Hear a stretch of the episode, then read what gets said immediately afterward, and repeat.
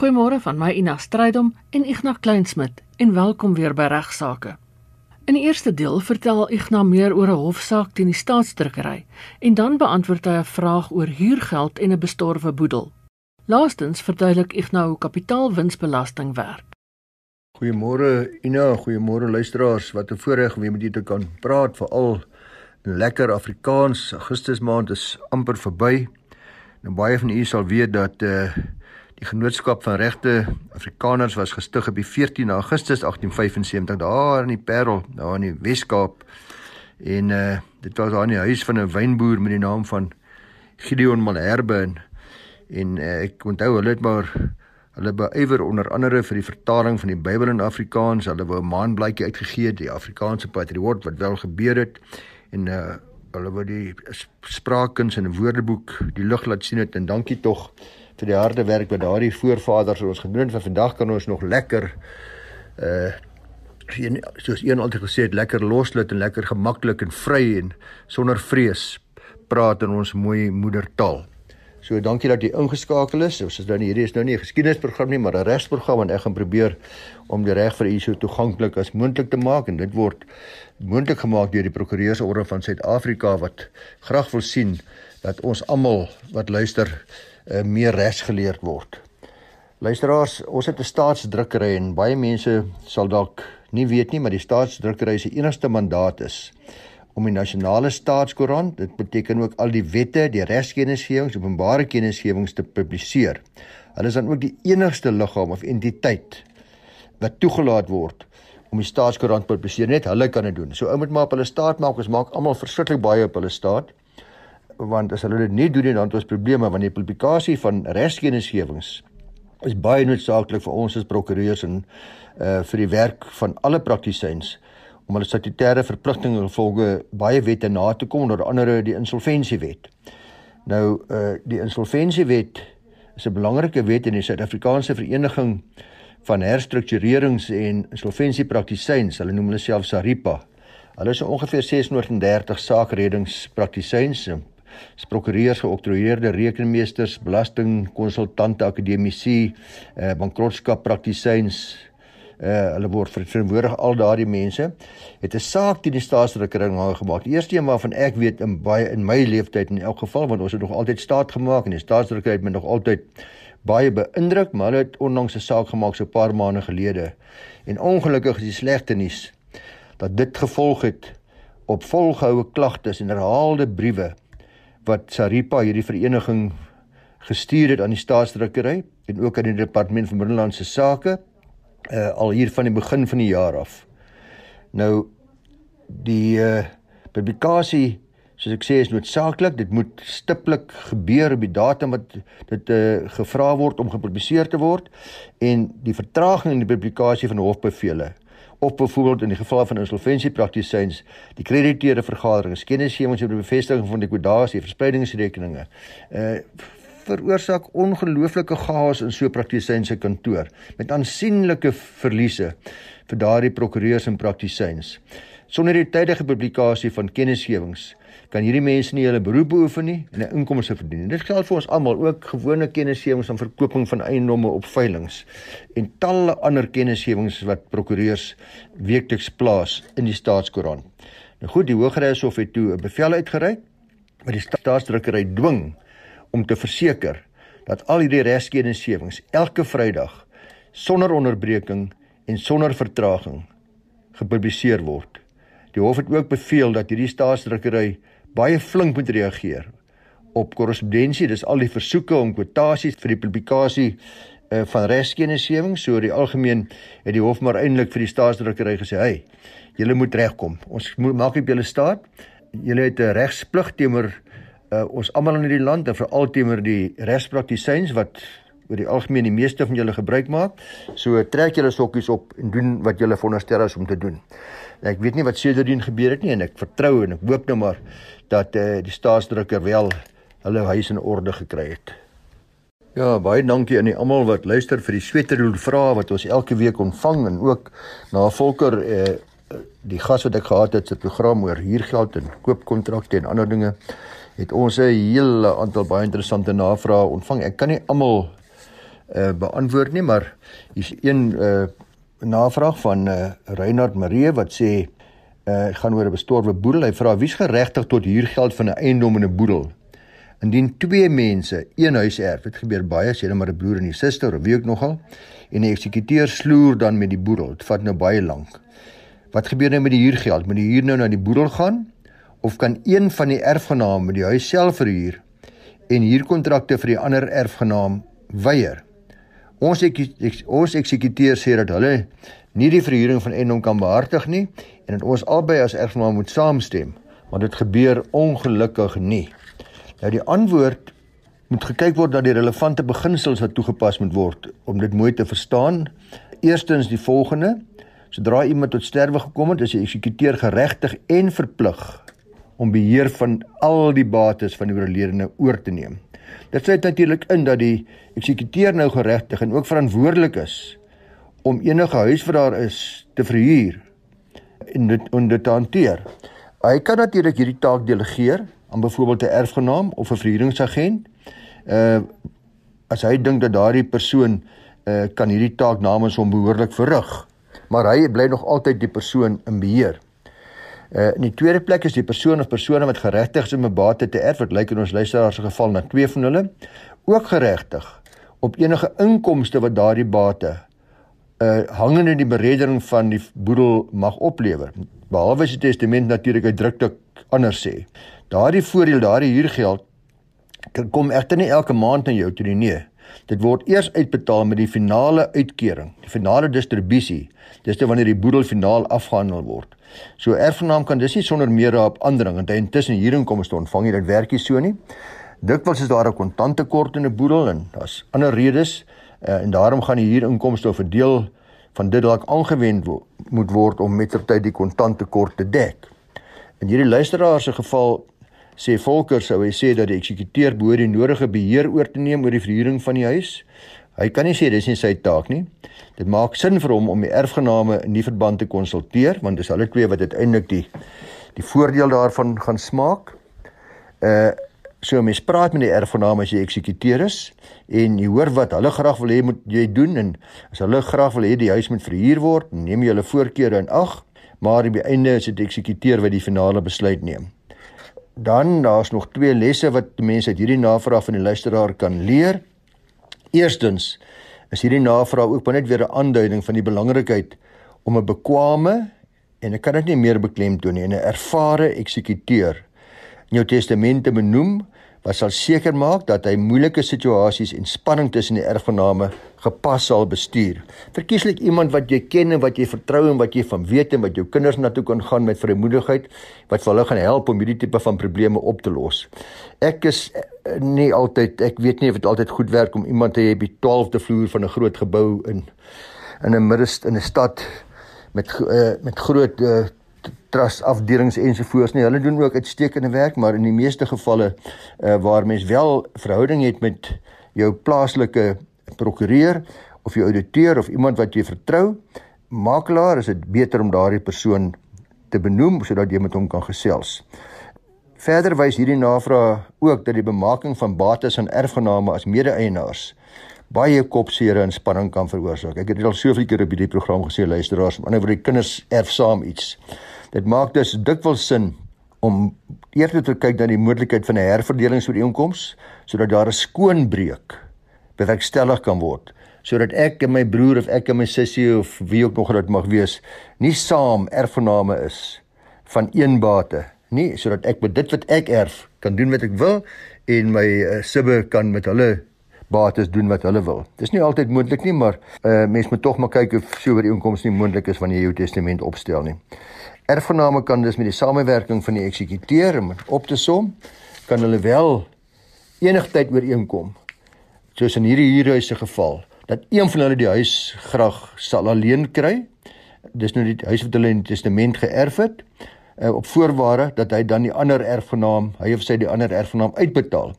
Of dat die ander erfgenaam weer van die ander bates erf in die in die boedel as daar meer as een bate is wat deur almal geërf word om seker te maak uh dat albei dan 'n regverdige deel ontvang. Ek hoop uh, Reinhard dit jou vraag bevredigend beantwoord. Dan ook 'n kort vraagie wat eh, 'n uh, goeie vraag wat Christo Blighnout vir ons vra. Hy sê het ook die gesprek uh, tussen my en Volker op RSG gehoor uh vroeg in Augustus en hy sê met die kroos amper uit die huis beplan ons die verkoop van ons primêre eiendom, ons enigste eiendom in die nabye toekoms. Hy sê binne die volgende jaar of 3 die eiendom wat in 1992 aangekoop. Nou vra hy klaarheid asseblief in verband met uh, die kapitaalewinsbelasting op primêre eiendomme wat verkoop word. Is dit waar dat uh, eh, KWV van toepassing op wins gemaak van net meer as 2 miljoen rand is? Met ander woorde, eers as daar wins gemaak is van meer as 2 miljoen rand, dan is KWB van toepassing en die antwoord daarop eh uh, Christo is ja, dit is so. Eh uh, dan sê die aankoopprys in 1992 was 145 000 rand en hy word nou verkoop 30 jaar later uh, ongeveer 2,3 miljoen rand. Uh so dit lyk dus dat daar gaan wins wees van ongeveer 2,155 miljoen rand. Ek vra nou of KWB gaan van toepassing wees op die volle 2,155 miljoen rand wins. Nou onthou nou net eh uh, Christo en ander luisteraars, belangrik om te verstaan dat kapitaalwinsbelasting het eers op 1 Oktober 2001 in werking getree. So slegs die kapitale wins wat vanaf 1 Oktober 2001 verkry is, gegroei het, bygekom het, is dus relevant. So wat 'n mens nou gaan doen, mens moet maar met jou ouditeur of rekenmeester gaan praat oor jou spesifieke berekening. Jy gaan kyk na wat jou waarde van jou 1992 eiendom was in 2001 en dan gaan jy van daar af nou uitwerk. Kom ons sê nou maar in jou geval jy gesê was 145 2001 was 'n heel wat meer werd so jy gaan hom baie minder as die 2,155 uh wins gaan jy kapitaalwinsbelasting betaal maar dit is belangrik dat daar is ook ander formules waarna mense kan gaan kyk uh wat ook deur die ouditeur aan jou verduidelik sal word ek gaan nou nie al die luisteraars daarmee belas nie maar uh ek hoop dit gee vir jou Christo 'n goeie idee dat jy nie die volle bedrag belas geword nie maar wel net 'n bietjie van die wins wat aangewas het sedert Oktober 2001. Uh dan vra hy later, hoe kan ek self gaan kyk na die KWB koerse? Uh is daar 'n webtuiste ensovoorts? Ja. Jy gaan na SARS se webtuiste toe. Dis die ou die HTTPS ensovoorts www mag sit maar net sars.gov.za in. sars.gov.za. Dan gaan jy na tax koppelteken rates toe. Dan gaan jy na income tax toe en dan gaan jy na capital gains tax toe. Ag die die webwerf sal jouself nou al hierdie uh dele toeneem, maar gaan maar na sars.gov.za waar daar fantastiese inligting is. Is 'n baie goeie webwerf vir mense wat meer wil weet van belasting en ook in hierdie geval van KWB. Dankie vir 'n goeie vraag, Christo. Ek nou bespreek nou 'n saak oor beweerde mediese nalatigheid teen 'n ginekoloog wat in die konstitusionele hof aangehoor is. Ja, die van u wat luister, u sal dalk saam my onthou van die ginekoloog van Witbank wat in 2016 skuldig bevind is deur 'n streekshof landros in Witbank uh, aan strafbare manslag en ja luister mooi hy's gefonnis vir die nalaat beweerde nalatigheid uh, deur hom tot 5 jaar gevangenisstraf. Uh sy pasiënt is na bewering in sy sorg oorlede. Nou hy het intoe gewend en nou, ek moet sê dit was vir my en ek dink vir almal alle professies, veral in die mediese professie, was hierdie 5 jaar gevangenisstraf. Ginekoloog klaar onder groot druk met versekerings ensovoorts, so dit 'n baie baie groot skok gewees. Hy het hom daarna gewend tot die Hooggeregshof in Mpumalanga met 'n aansoek om verlof tot appel, maar daai hof het gesê hy kon na jou aansoek word van die hand gewys. Hy het hom toegewend tot die Hoogste Hof van Appel wat luisteraars ook sy aansoek van die hand gewys het. Hulle wou net spesiale verlof tot appel gee nie en al wat hy van oorgebly het om te verseker dat hy nie 5 jaar in die gevangenis gaan sit nie. Hy het hom toegewend tot die grondwetlike hof, die konstitusionele hof. En uh, ek het vir Susan de Wette jong prokureur hier by ons gevra om vir my te gaan kyk na al die argumente uh wat geopper is en uh om in hierdie saak sodat ek dit met u kan bespreek.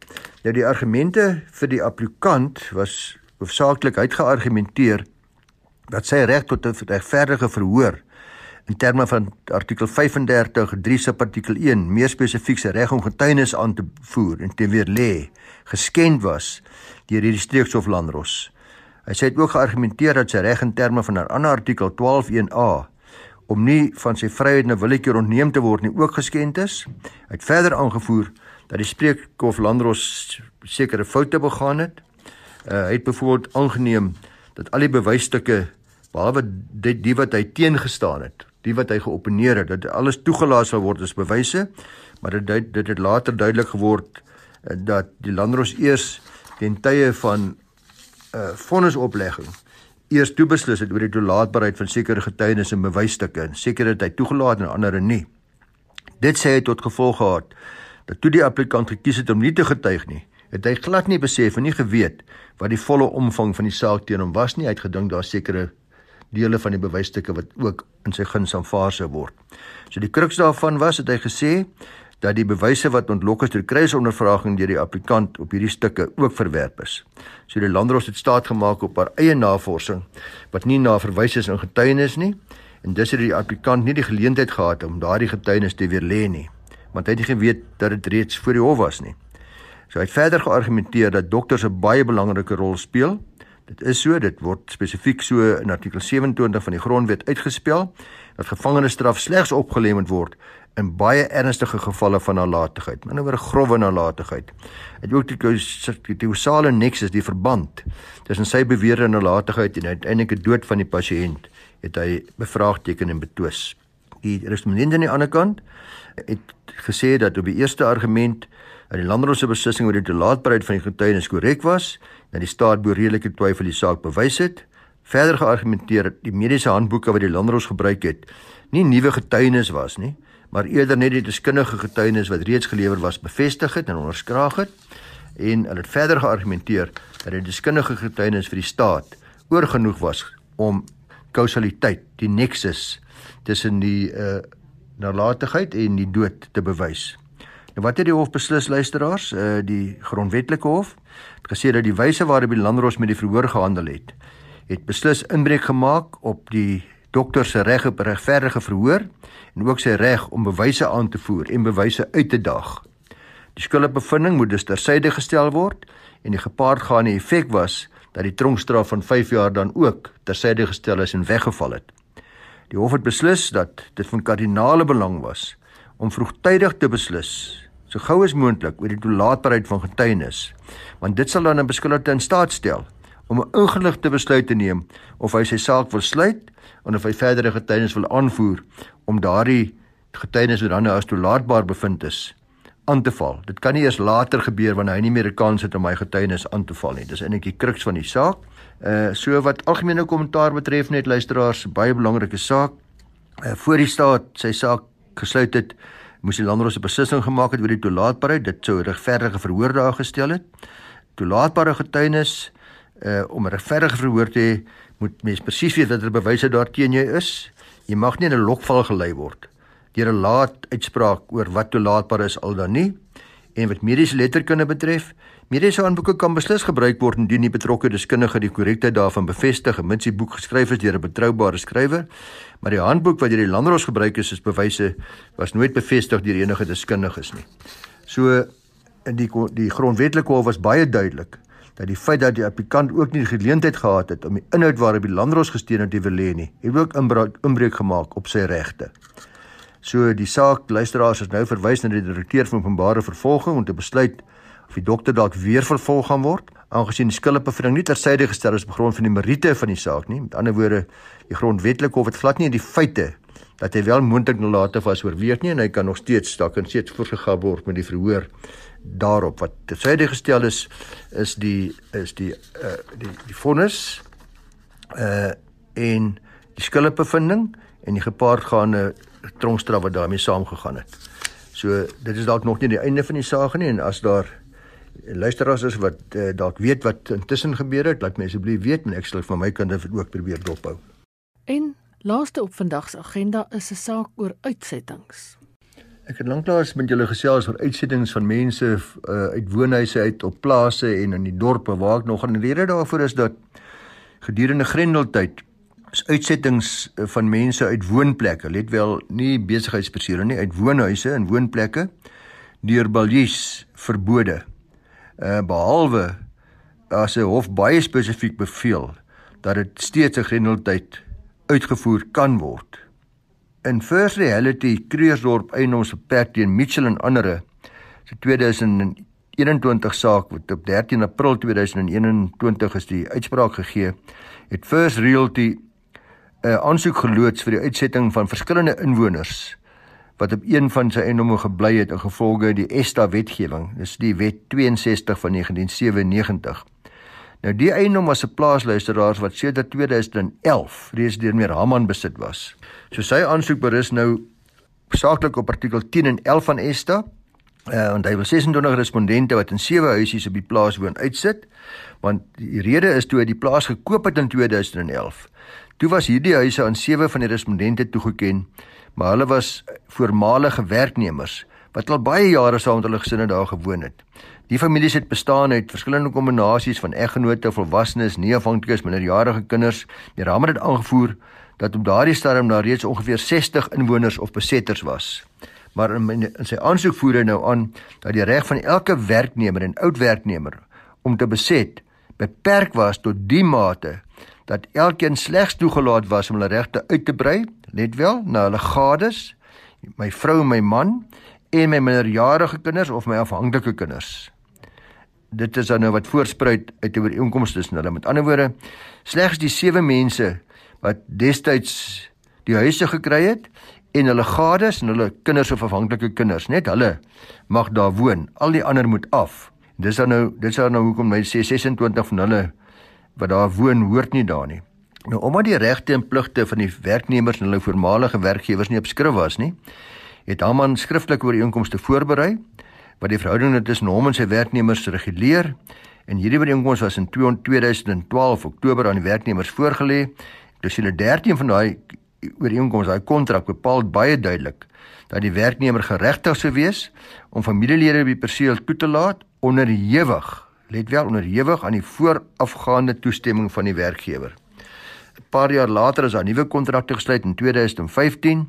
Dieselfde jaar het meneer Raman toe gesê hy nou nie meer hy kan nou nie meer verder nie. Hy moet 'n proses onderneem om elke werknemer te versoek om al die nodige stappe te neem om te verseker dat die reëls nagekom word. Dit het ingesluit dat sodra hulle kinders meerderjarigheid bereik het of self onderhoudend geword het, dan moet daardie kinders die eiendom ontruim. Onthou ek het gesê destyds was die reël gewees net die mense wat daar woon, hulle gades of hulle minderjarige of afhanklik of afhanklike kinders. So as hulle self onderhoudend is of minderjarigheid bereik, moet hulle die perseel verlaat. Toe in 2017, dit het nou toe nie gebeur uiteraard nie en toe begin meneer Raman uh, in 2017 kennisgewings gee aan die volwasse nie afhanklike kinders wat nog steeds by eiendomme gebly het sê sorry julle moet uit. Niemand het dit gedoen nie. As weer op Maart 2018 weer aan elke werknemer en oud werknemer, sowel as hulle gades, is dit weer die kennisgewing gestuur. Die finale kennisgewing is op 30 April 2018 gestuur. Nou was 'n beroep op die gesinne gedoen om asseblief eiendom te ontruim voor 31 Mei 2018 maar geen van die volwasse let wel nie afhanklike kinders die wat eintlik uitgesit moes word was genooi na hierdie vergaderings toe nie. Die mense wat geregtig was om daar wat wat wat volgens hom enigsins was wat daar mag gewoon het hulle is na die vergaderings toe genooi maar die wat uitgesit moes word is nie genooi nie. Gevolglik het hulle nie kennis gedra daarvan nie. In die uitspraak van die hof het die hof toe aangedui dat Miraman foutiewelik verkeerdelik slegs die werknemers en voormalige werknemers as besetters beskou het in gevolge die wet uh die volwasse nie afhanklike kinders is wel ook besetters in hulle eie reg.